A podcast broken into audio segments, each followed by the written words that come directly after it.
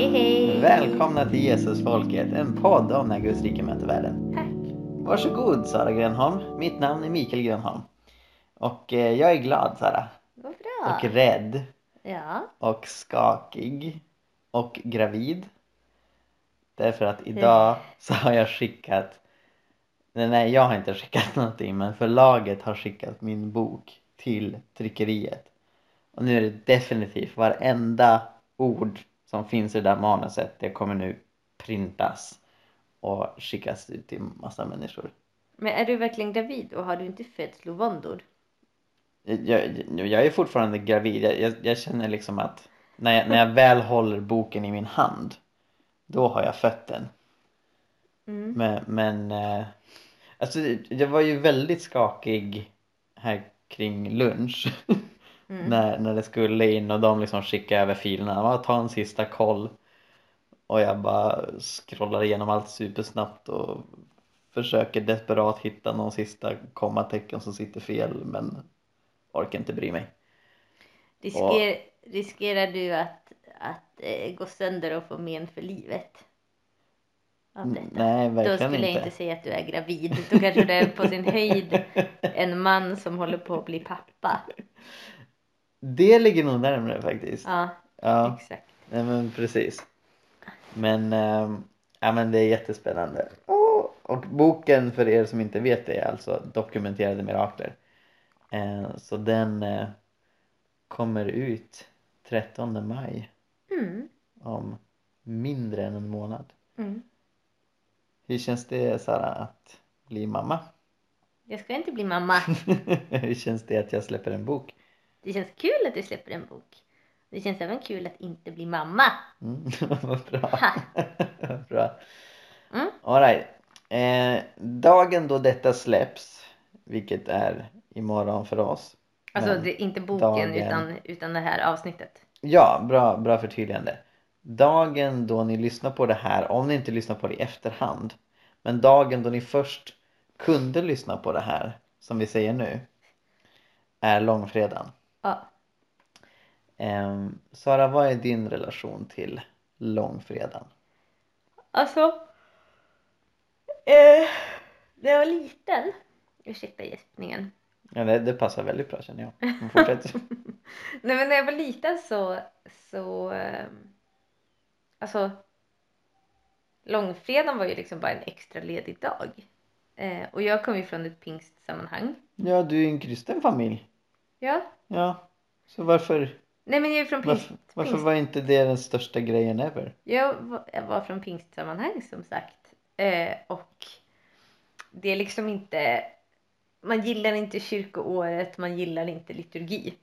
Mm. Eh, och så. Så vi, alltså så här, för oss har det ju aldrig funnits i våra tankar överhuvudtaget att man skulle fasta under fastan eller, eller eh, ja, och sånt. Men sen så, så är det typ var vi kanske på någon extra gudstjänst under påskhelgen, möjligtvis. Men oftast inte, utan det var ju så här, träffade släkten och åt ägg och godis. Ah. Så var det typ. Alltså jag, jag kan ju verkligen sympatisera med det här att inte tigga liturgi och vilja känna sig fri. I och med att jag kommer från Svenska kyrkan ursprungligen och Mm. sen har blivit frikyrklig så kan Mm. jag känna igen det. Men samtidigt tänker jag också vilket klockrent recept för sekularisering det är. Ja, nej men verkligen. För, alltså, för liksom så här, din familj firar ju fortfarande jul. mm. Och, och, och så, här, det, det är inget konsekvent, det är inte som Jehovas vittnen som verkligen tar avstånd från all form av kyrkoår. Nej. Utan det är ju snarare lite det här behåller vi, det här slänger vi.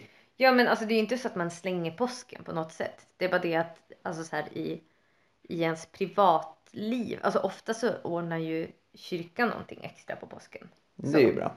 Men, men i, i, alltså så här, i församlingsmedlemmarnas liv så gör man inte så stor skillnad mellan eh, påsk och andra långhelger typ. Ja. Alltså ja. Nej men eh, och jag vet inte om det är liksom representativt för alla. Eh, så men, men ja i den församling där jag är uppvuxen så var det inte så, man gjorde inte så stor grej av det kan Mm. jag tycka. Mm. Eh, och det är ju någonting som jag har fått hitta och typ erövra på senare år. Mm. Eh, att jag så här, eh, ja, varit i sammanhang där man har stillat sig inför påskens mysterium Mm. och verkligen så här, ja, eh, följt liksom eh, ja, hän- händelserna i påskberättelsen i Mm. Bibeln. Mm. Mm. Ja, Du då? ja, alltså i min svenskkyrkliga familj, när vi var hos pappa, mina föräldrar är skilda, så när vi var hos pappa då, då så var långfredagen en väldigt viktig tråkig dag. Det, det var egentligen enda dagen på året där jag blev tillsagd och beordrad att ha tråkigt från min pappa. När vi blev lite äldre så dels kände vi större frihet att ignorera det och jag, pappa blev också lösare på, på den eh, inställningen. Men det var liksom så, så var han uppvuxen och så försökte han instruera sina barn. Eh, sen, sen så liksom var det inte något som vi gillade. det var liksom nej men den enda dagen då- jag inte fick spela tv-spel och sådana där grejer. Och om, om man ska göra något sånt och jag tror det finns en poäng i det men då ska man inte formulera som nu ska vi ha tråkigt men så här nu ska vi göra det här istället för det där som det brukar göra. Och så var det inte. Det var liksom det var ingen som kunde ersätta det roliga som jag brukar göra. Det var inte som att vi spelade brädspel istället utan liksom ja, vi skulle bara men- existera Men tanken, alltså den gamla tanken på långfredag har ju varit just att, så här, att du ska känna att du har tråkigt. Ja nej men exakt Du Och- ska lida liksom. Ja, nej men precis. Mm. Och det i sin tur är ett grundrecept för att folk inte ska gilla påsken och kristendomen. Mm. Så, så ja, det, det var speciellt. Men sen när jag själv blev kristen på riktigt och förstod djupet och vikten av att Jesus dog för oss. Då har eh, långfredagen blivit en jätteviktig dag. Så jag instiftade ju en egen tradition från att jag var tonåring som jag har följt sedan dess. Att när klockan närmar sig tre, vilket enligt Nya Testamentet var då Jesus dog, så tar jag mig ut i naturen och ber. Vilket är typ enda gången per år du är ute i naturen om inte Hörru jag du, släpar dit hörru dig. du! Vad är det här för fake news? Jag är visst i naturen ibland. Jo det är jag. Men vi, vi ska ta oss ut i naturen imorgon Ja. och picknicka och be. Det ska bli härligt. Mm. Men eh, Sara, varför är Jesu död något att bry sig om? Nej, men. Varför ska vi någonsin bry oss om något annat? Okej. Nej men allvarligt, alltså jag, jag, det förvånar mig så mycket att julen är en större och viktigare högtid än påsken Mm. för de allra flesta kristna. Ja, jo nej, men så kan Att man vi nog liksom säga. inte gör en lika stor grej av påsken. Eh, för att det är ju, alltså det är ju den tiden på året då vi kommer ihåg eh, den största händelsen i mänsklighetens historia. Mm. Och den viktigaste händelsen. Ja nej, men verkligen, verkligen. Um, för, för grejen är att när jag blev kristen på riktigt och började fatta, fatta hur saker hängde ihop och varför det är ett kors på toppen av kyrkotornen och runt halsen på kristna så hade jag svårt att förstå att man så här Ehm, betonade uppståndelsen så väldigt starkt. Jag var mycket gladare när det blev påskdag och söndag och liksom uppståndelse. För, för, för mig så var det liksom korset var ju supercentralt. Sen efter ett tag så förstod jag att nej, men de är lika viktiga. och det är, natur, det är mer naturligt med glädje när det liksom Jesus seger över döden snarare än när han dör. Men att han dör är så otroligt viktigt för att det är därför som vi får evigt liv med Gud. Det är, där, det, det är på grund av det som vi blir försonade med Gud. Och där är Bibeln jättetydlig. Mm. Att försoningen med Gud, att vi blir frälsta som det kallas i Bibeln, alltså att, eh, vi blir fria från det som binder oss, vi blir fria från lidande, från döden, från allt det onda i den här världen. Det sker inte bara genom att Gud knäpper med fingrarna utan det sker just genom att Jesus dör för oss. Och på korset så manifesteras Guds oerhörda kärlek till oss att han var villig att själv dö för våra synder. Eh, och på korset så blir djävulen besegrad. Så även om det onda fortfarande har viss makt och inflytande i den här världen så är det som att eh, djävulen blev dödligt skadad på korset och sen så kommer han bli fullständigt besegrad och allt ont kommer försvinna på den yttersta dagen. Så det är därför som man pratar om att Guds rike finns här redan nu men ännu inte fullt ut. Ehm, och det är på korset när, när Jesus dör för våra synder, det, det är det som utgör den gigantiska skillnaden ehm, för hela mänsklighetens historia. Mm. Men är det inte gudomlig barnaga?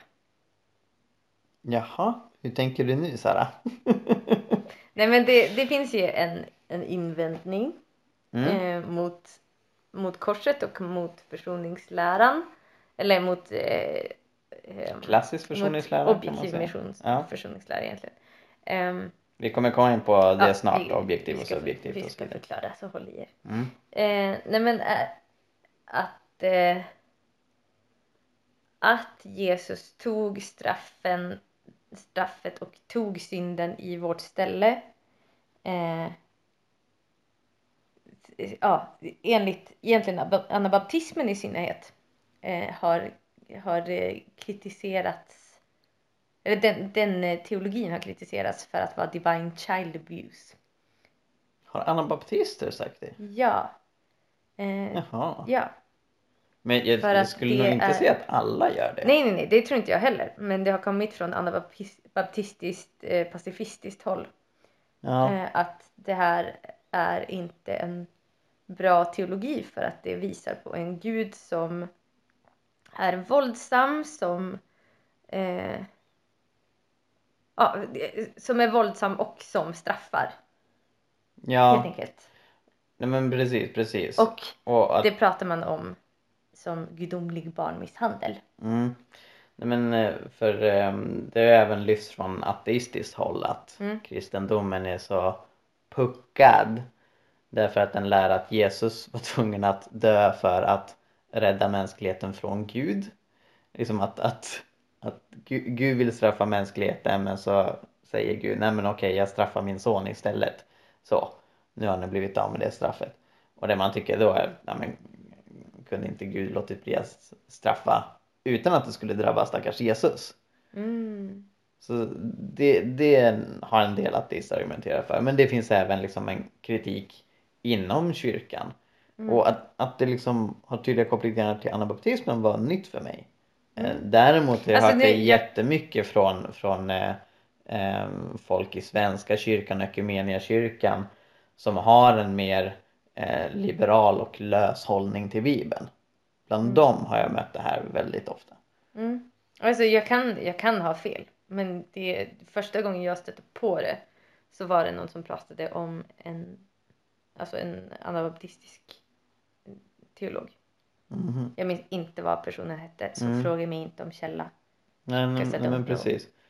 För det är också Men jag kan ha fel frågan är, för, alltså jag, jag är helt med att det kan ha blivit populärt bland anabaptister idag. Och anabaptister för er som inte vet det, det var en, det är en ganska liten rörelse som dök upp samtidigt med Luther och reformationen. Och som ända från början har sagt att vi ska inte döda våra fiender och, och vi ska ha ekonomisk utjämning och så vidare. Så både jag och Sara är väldigt inspirerade av anabaptismen. Eh, och det finns inget anabaptistiskt samfund i Sverige, däremot finns det ett nätverk för folk som är intresserade av det här. Mm. Alright, um, du och jag anser inte att eh, Jesu död på korset är gudomlig barnmisshandel. Nej. Nej för jag tycker att, jag tycker, jag tycker att ehm, hela den tanken är en tankevurpa. Mhm. För att den funkar bara om Jesus inte är Gud. Utan att Jesus endast är Guds son. För att Precis. är Jesus Gud själv så är det ju Gud som bestämmer sig för att själv gå ner och ta vårat straff. Exakt. Eh, och det drabbar Gud. Istället för Exakt. att Gud sänder sin son och det drabbar hans son. För det skulle jag säga är två helt olika saker. Det, det handlar egentligen om eh, hur, hur skarpa streck man, tar, man drar mellan personerna i treenigheten. Ja, och personerna som argumenterar för det här brukar inte förneka treenigheten. Nej, Så, så det, är, Det- det är ganska förvirrande. jag tycker att det är en tankevurpa. Att jag, jag tror inte att de själva kanske riktigt får ihop det med sin egen treenighets... Nej, nej men exakt. Och normalt så har vi den djupaste respekt för personer som väljer att dö för att rädda andra. Så, som till Mm. exempel det finns ett katolskt helgon, Maximilian, som hamnade i ett koncentrationsläger. Och det var några som hade rymt från det här koncentrationslägret. Eh, De var 11 stycken tror jag. Och nazisterna ville liksom åtgärda detta genom att välja ut 11 personer som var kvar och döda dem. Så liksom straffade man i deras ställe. Och en av dem liksom böjer knä och gråter och säger jag har familj där ute och döda mig inte. Och då säger Maximilian ta mig istället. Mm. Eh, och eh, mannen vars liv han räddade han överlevde alltihopa. Han överlevde hela koncentrationslägret och fick komma hem till sin familj. Mm. Så Maximilian eh, helgon förklarade sen. Och, och det är ju väldigt få som tittar på det och säger Usch vilken barnmisshandel! för när, när man offrar sitt eget liv för att rädda någon annan Mm. då betraktar vi det som något fantastiskt kärleksfullt och Jesus själv säger det. Ingen har större kärlek än den som ger sitt liv för sina vänner. Mm. Johannes 15. Och det är ju det han gör. Han säger också jag ger mitt liv av fri vilja. Också i Johannes evangeliet. Mm. Så det är ju verkligen det här att det är inte att Gud piskade sin son eh, som om hans son är någon annan än han själv utan det är ju Gud själv som blir människa Mm. och, och dör i vårt ställe att det som rättmätigt skulle drabba oss tar han på sig istället. Mm. Eh, Men jag tycker också att det är så, så vackert ändå. Ja, men så här, att, att Jesus inte bara så här stark hela vägen gick in i döden. Att han typ "Ah, jag, jag tar det här, jag tar det på mig. Oroa er inte, jag axlar det här, ja. Och så går han till korset och dör. Utan att han i Getsemane har sån fruktansvärd ångest.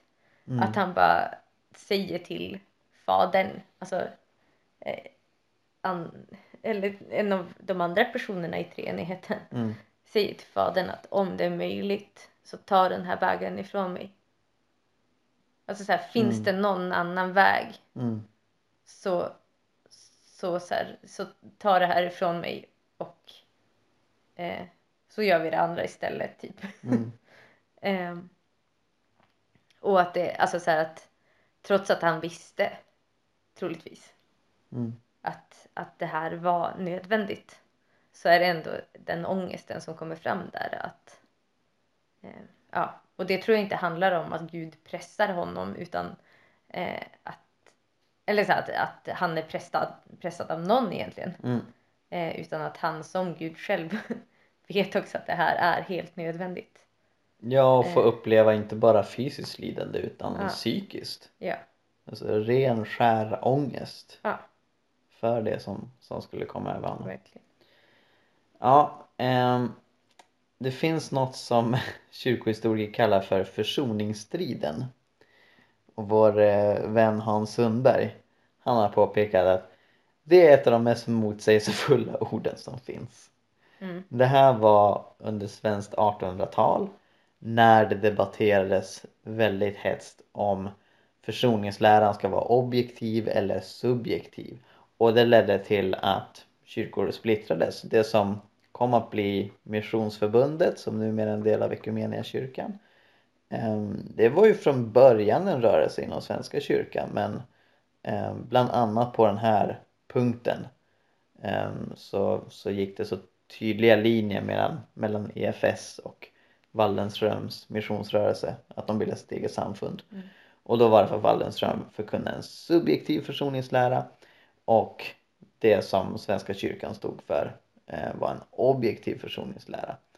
Eh, och det är ganska intressant hur väldigt många svenskkyrkliga teologer och präster idag har eh, tänkt annorlunda. Eh, sen så, så har jag också lärt mig, jag har en god vän i kyrkan som är pastor och väldigt insatt på det här. Han brukar betona att den debatten då på 1800-talet om objektiv och subjektiv, det var inte samma debatt som är idag. Alltså de, de orden betydde annorlunda och Wallenström låg ganska nära eh, det som folk som tror på den objektiva försoningsläran idag tror. Eh, så det, det, kan man ha med sig. Eh, men förutom de här två lärarna så kom det sen då en tredje teorin av, av en eh, biskopsteolog som hette Gustav Aulén. Han argumenterar för att de tidiga kristna de trodde verkligen, varken på det objektiva eller subjektiva utan de trodde på något som kom att kallas för Kristus Victor. Eh, alltså Kristus segraren. Eh, det kallas även för ransom theory på engelska.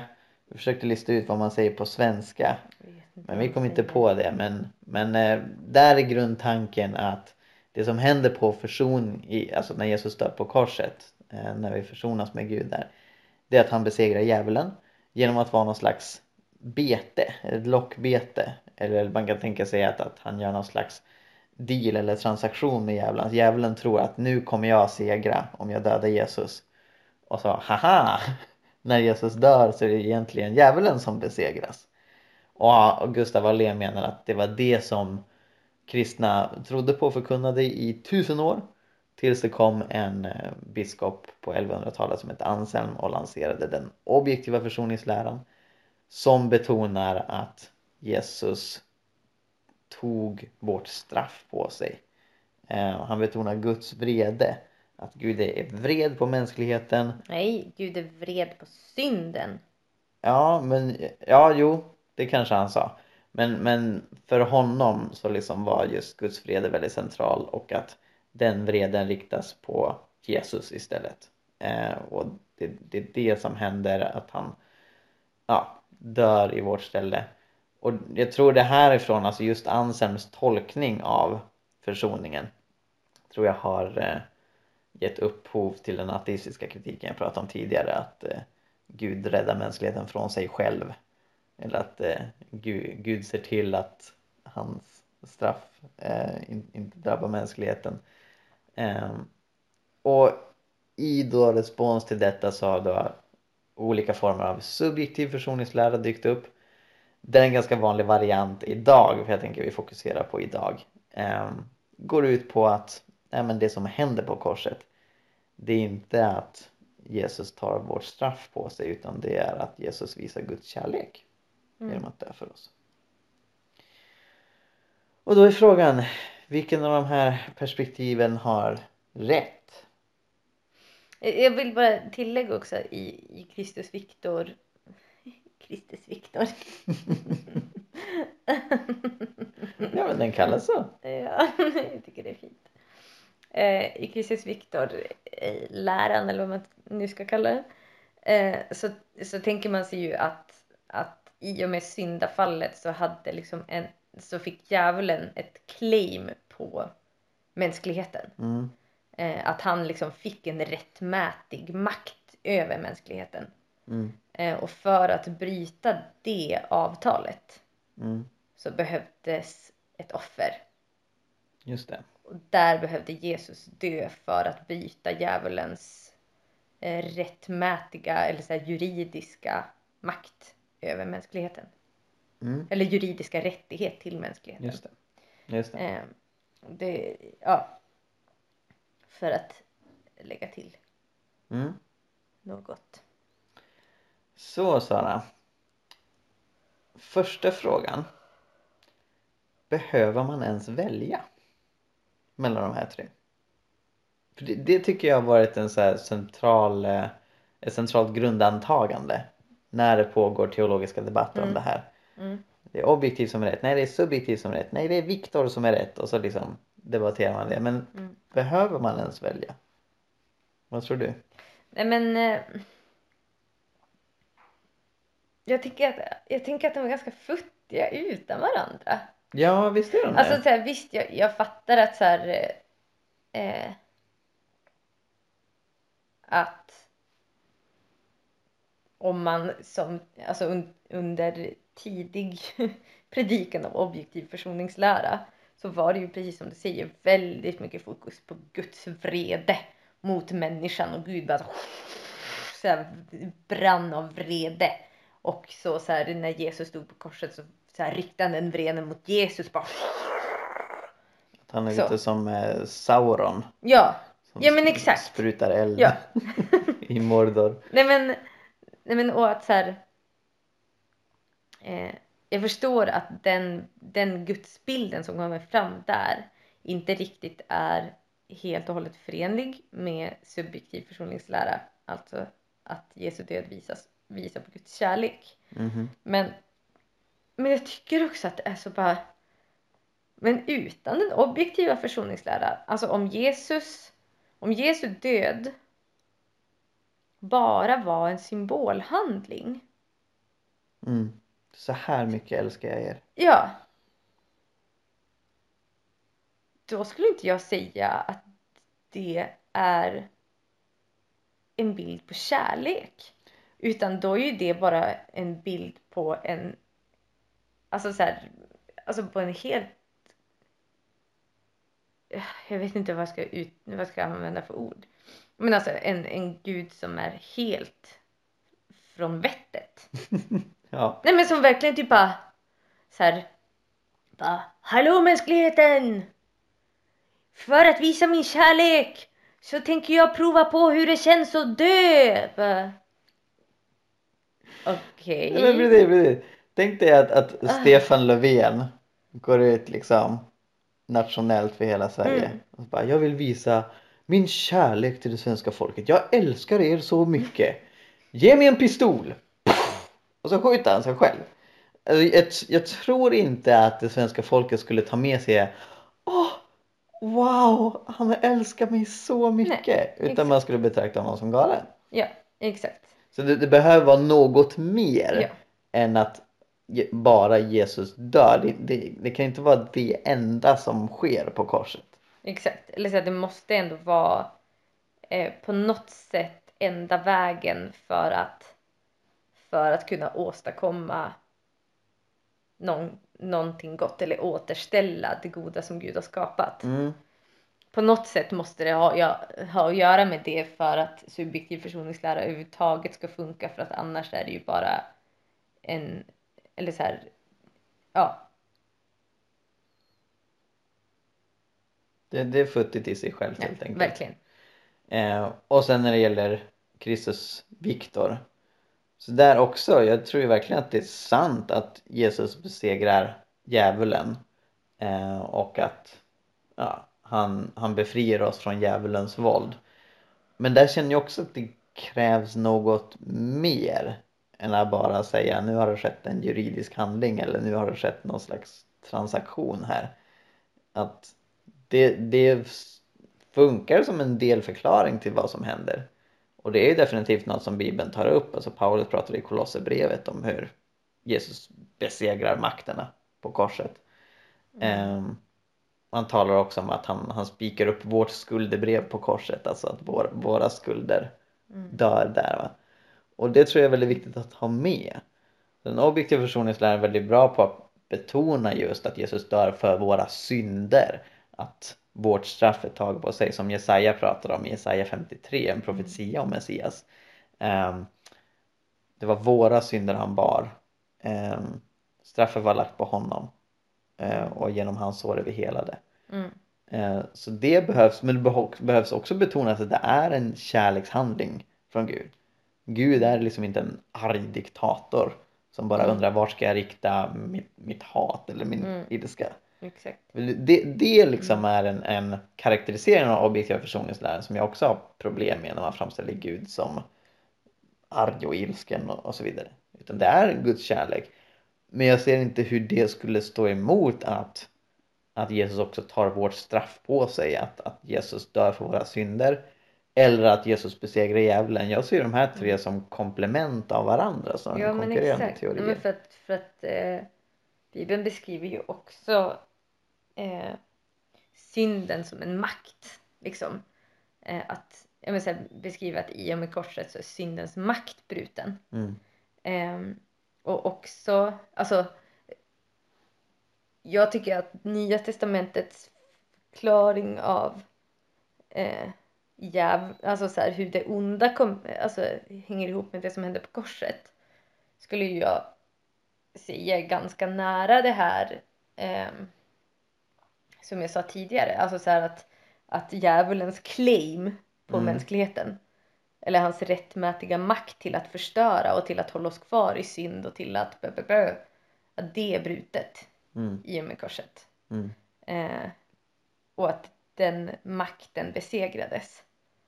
Eh, och det, men, men jag tror liksom inte att det är hela eh, ja, att det är hela bilden. Nej, Utan precis. också så här att, att eh, alltså man får inte glömma Jesus eh, Jesus som en del i ett långt led av offer. Ja. Eh, för jag tror ju, eller jag tror inte bara utan, utan i Bibeln så är det väldigt tydligt att, att eh, Jesu död på korset är väldigt tätt knutet till offerkulten i templet. Precis, han Eh. kallas för Guds lamm och så Ja, vidare. exakt. Och att, att eh, offerkulten handlade ju om att eh, att rena sig egentligen. Alltså att människan har i och med sina synder en rättmätig skuld. Eh, som, ja, men, som liksom ligger på oss. Och att, och att offerritualen handlade om att renas från den skulden. Mm. Och att Jesu död på korset då också borde förstås i det ljuset. Att det han tog, liksom, han var det ultimata offret som för all framtid och all baktid eh, renade mänskligheten från skulden. Ja, ja nej, men precis. Eh, och angående det här påståendet att ja, de första tusen åren så sa man bara så här. Det är fel. Och jag, jag, jag, jag har jag har inte djupstuderat just det här ämnet men jag tog mig en titt när jag läste en kurs i eh, tidig kyrkohistoria på vad de tidiga kristna, de riktigt tidiga kristna sa om Jesu död och försoningen. Och då vill jag se, är det, är det som man säger att de bara pratade om att Jesus besegrade djävulen och de inte hade med de andra perspektiven? Och svaret på det är nej. Mm. Eh, Så det finns en artikel som jag skrivit eh, på min engelska blogg Charismactivism som vi kan länka till eh, från, från eh, Jesusfolkets sidan på Podbean. Där jag ja, går igenom vad de apostoliska fäderna som man kallar dem, alltså generationen efter apostlarna, vad säger de om Jesu död? Ehm, och det de framförallt betonar det är att han dog för våra synder, han dog i vårt ställe. Ehm, Mm. så.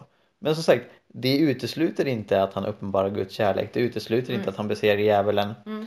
Jag ser ingen anledning att sätta Mm. de här tre mot varandra egentligen. Men jag tänker också att, att eh, alltså så här, för det jag, det jag framförallt får, problem med som du, säger, som du sa tidigare med den objektiva försoningsläran är ju det här den, den arga guden. Mm. Eller jag, jag är övertygad om att Gud är extremt arg på synden. Eller Mm. jag kan inte få ihop en kärleksfull Gud med en Gud som också är likgiltig inför hur vi förstör Mm. eh, för varandra, eller inte bara förstör för varandra utan hur vi alltså hatar varandra och hur vi ja men så här, hur vi dödar varandra, hur vi mm. eh, ja, är så elaka mot varandra i mänskligheten. Alltså jag, först, jag får inte ihop en kärleksfull gud med en gud som inte är arg på det. Mm. Eh, men, men jag tänker också att någonting som jag tycker att hela, alltså att alla de här egentligen eh, missar Åh, oh, nu kommer en fjärde Ja men det, det jag faktiskt tycker att de missar Ja. det är betoningen på försoning. Att så här, Oh. att det, för att det jag tänker egentligen är en av de största sakerna som händer på korset som har att göra med det jag sa tidigare om offerkulten och, och reningen i och med Jesu ultimata offer. Mm. Är ju att Gud som är helig kan inte jag vara nära Mm. som en syndig människa. Mm. Eh, och att i, i den skapelse som Gud skapade i, i lustgården där synden inte fanns i världen så hade människan och Gud en helt annan relation som Gud egentligen har skapat människan till att vara del av. Mm. Eh, och i och med synden, så trots att Gud ville, trots att Gud vill den relationen med oss, så Mm. fanns inte möjligheten. För att i hans närhet brinner vi upp Mm. för att han är helig. Eh, och det är liksom Guds, Guds väsen är heligt. Det kan inte han göra något åt. Han kan inte sluta vara helig. Mm. Eh, och vi kunde inte sluta vara syndiga. Just det. Och för att vi ska kunna försonas i det, för att vi ska kunna möta varandra igen behövdes det någonting som kunde överbrygga det här gapet. Där Mm. människan är så totalt orättfärdig och där Gud är så totalt helig. Ehm, och att Jesu död på korset, i och med att han tog vår synd på sig Mm. eh, och gjorde oss rena, gav oss liksom plats i hans renhet och del av hans rättfärdighet, så kan vi nu komma till Gud som är helig på grund av Jesus. Mm. Eh, och det tycker inte jag kommer fram i någon av de här. Nej, alltså det, de kan ju också formuleras på väldigt olika sätt. Där. Det är väldigt breda. Men, men jag, jag är helt med dig om alltså så här, att överhuvudtaget lyfta fram en grej och säga det här är det viktigaste. Det har jag Mm. alltid haft jättesvårt för att göra. Mm. Utan det är mång, mångfacetterat och det är det som är så häftigt. Så nu när vi går in i den här påsken eh, så vill jag verkligen uppmana er som lyssnar oavsett hur ni tänker eller har tänkt kring Jesu död på korset att det inte får bli liksom något som leder till massa debatt och diskussion och liksom Brukar det göra det? Nej, kanske inte för vanligt folk. men, men så här, nej men för, för vissa, för vissa så, så i synnerhet de tycker jag som har den subjektiva försoningsläran eh, kan det här bli en väldigt viktig grej. Eh, som man lyft, lyfter fram. Ja men precis, precis. Och, och, och grejen är att ja, det vi tycker är ganska tydligt och ni, ni är ju fria att tycka annorlunda men vi, vi tycker ganska tydligt att det är komplementerande perspektiv. Ehm, och, och liksom att, att det inte handlar om att vi ska ta en aspekt av försoningen och blåsa upp den till liksom, det är det här som gäller och andra har fel. Utan snarare titta på det fantastiska som är Jesu död för våra synder Mm. och måla med många olika penslar och många olika färger hur, hur otroligt rik och stor och fantastisk den försoningen är. Mm. Och det är det påsken handlar om. Att han verkligen försonar oss med Gud eh, så att vi kan få evigt liv och för att verkligen demonstrera det och visa att han var inte som någon som hoppar ner för ett stup och säger jag dör nu för er och sen är det allt över så kommer han tillbaka och uppstår på söndag för att visa att han verkligen talade sanning när han sa att han är vägen, uppståndelsen och livet. Mm. Mm. Då återstår bara att eh, hälsa varandra och er som lyssnar en riktigt glad påsk. Och låt detta bli en större högtid än alla andra eventuellt konkurrerande mysiga kalanka högtider som kan finnas under kalenderåret. Nu får du tala Sara. Jo, kan vi inte bara... Kan, vi inte, kan inte du bara svara på en grej först? Varför Okej. hela friden heter Good Friday på engelska? Ja, just det. Det, det visste vi att prata om. Jag gillar ju att det heter Good Friday. Mhm. För det, det lyfter fram optimismen och det som jag saknar lite grann. Alltså, när, när jag då befann mig i svensk kyrkliga sammanhang och såg hur de eh, klädde eh, altaret i svart inför långfredagen och inte hade någon musik och det var så mycket sorg och så mycket ledsamhet liksom så. Och jag förstod inte det där för hallå, ja det, det är tragiskt att Jesus behöver dö, att det behöver gå så långt. Men det är fantastiskt att han valde att göra det. Det är fantastiskt att han ville dö för vår skull. Så jag har alltid känt mig mer i linje med att det är en good friday. Det, det är något som är eh, bra, fantastiskt, strålande att Jesus dör för oss. Sen betyder inte det att det är fel att också känna sorg, att känna smärta.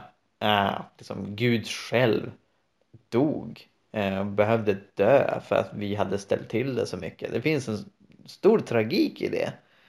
Men, men eh, jag tycker mer om att prata om bra fredag än om långfredag om jag ska vara ärlig. Ja. Vad känner du? Alltså, jag som inte kommer från ett eh, kyrkoårssammanhang.